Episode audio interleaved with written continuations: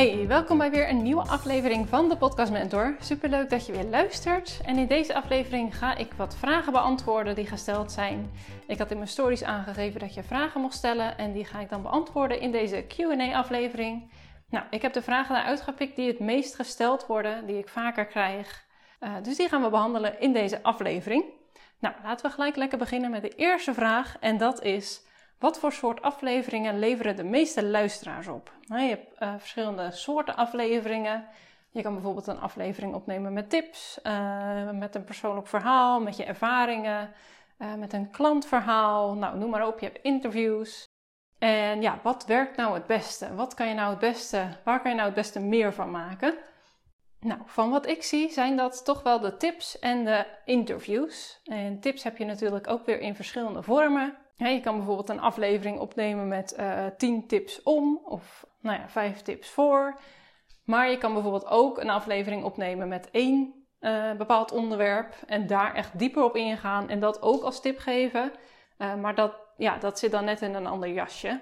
En ik merk wel dat die het het beste doen. En het is natuurlijk belangrijk dat je aangeeft in je titels waar het om gaat. Dus hè, als je 10 tips geeft om, zet dat dan in je titel. Maar ook als het om één bepaald onderwerp gaat. Hè. Dus stel jij merkt uh, dat jouw potentiële klanten vaak moe zijn uh, elke dag. En daar heb jij een methode voor gevonden en die ga jij in je aflevering uh, behandelen. Zet dat dan ook echt duidelijk in je titel. Dus ehm, elke dag moe, zo los je het op dan zien mensen gelijk waar het om gaat. En dat jij dus ook gelijk de oplossing geeft. Uh, wat ervoor zorgt dat mensen er natuurlijk naar willen luisteren. Want niemand wil elke dag moe zijn.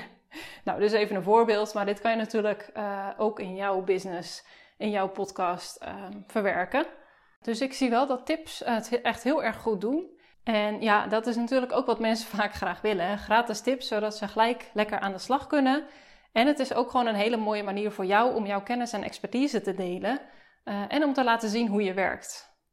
Nou, en naast tips zie ik dat interviews het ook vaak heel erg goed doen. Die worden ook echt heel erg goed beluisterd vaak.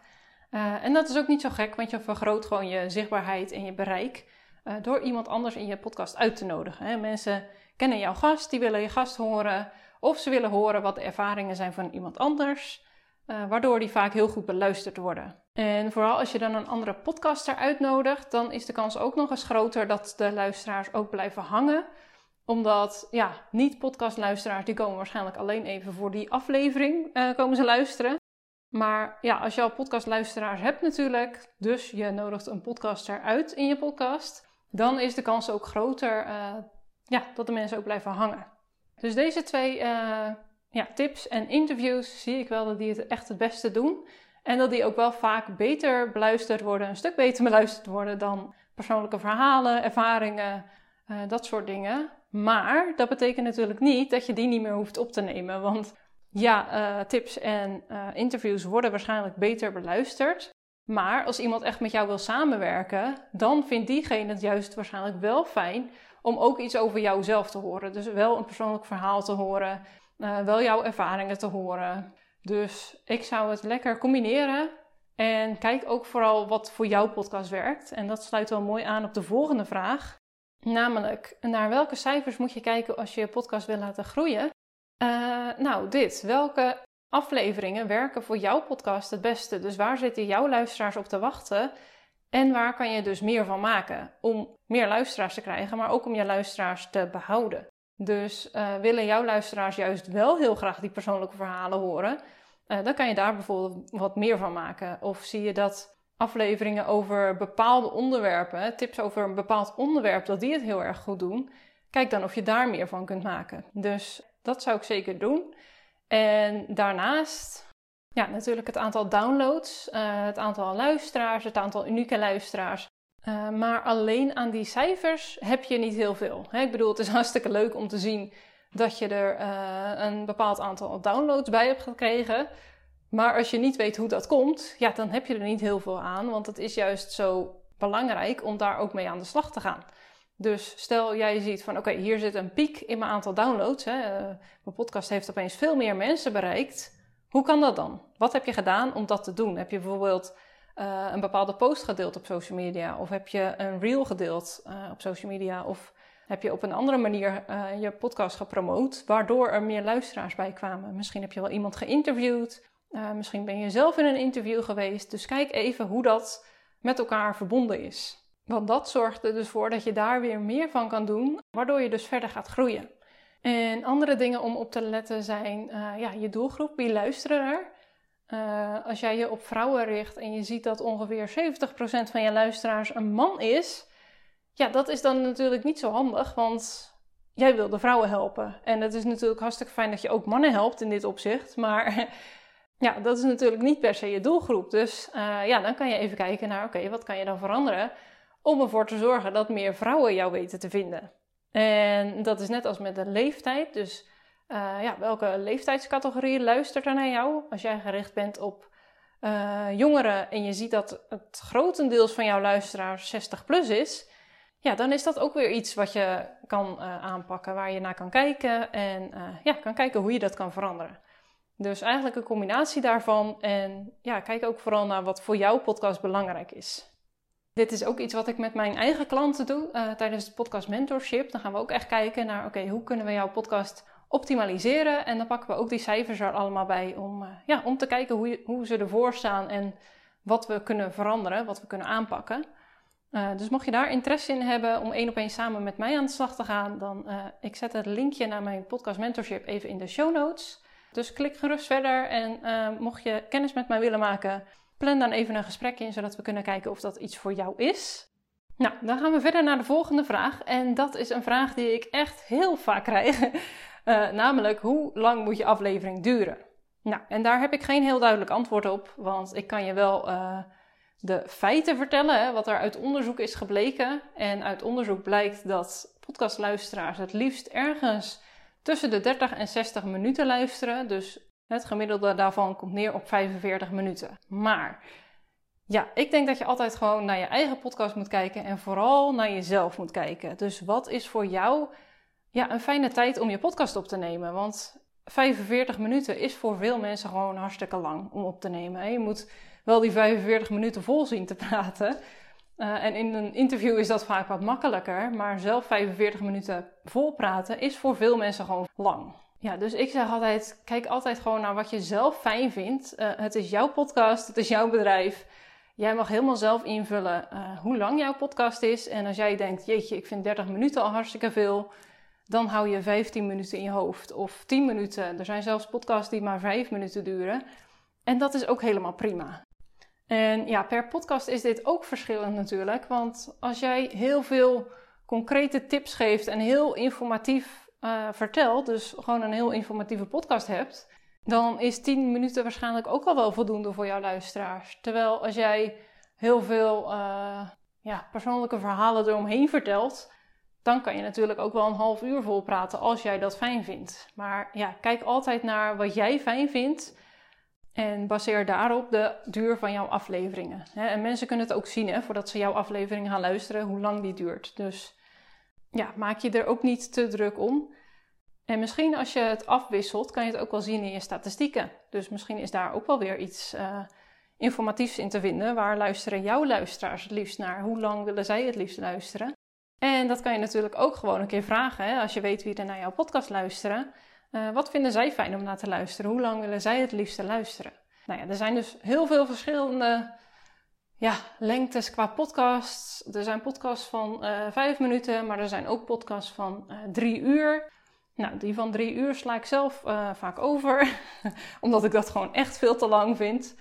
Maar goed, die podcasts doen het ook goed. Uh, dus ja, het, het ligt er ook aan wie jouw luisteraars zijn natuurlijk en wat voor podcast je hebt. Nou, dan gaan we verder naar de vierde vraag en dat is hoeveel afleveringen moet je hebben klaarstaan als je gaat beginnen met podcasten? Dus op het moment dat je je podcast lanceert, hoeveel afleveringen moet je dan klaar hebben staan?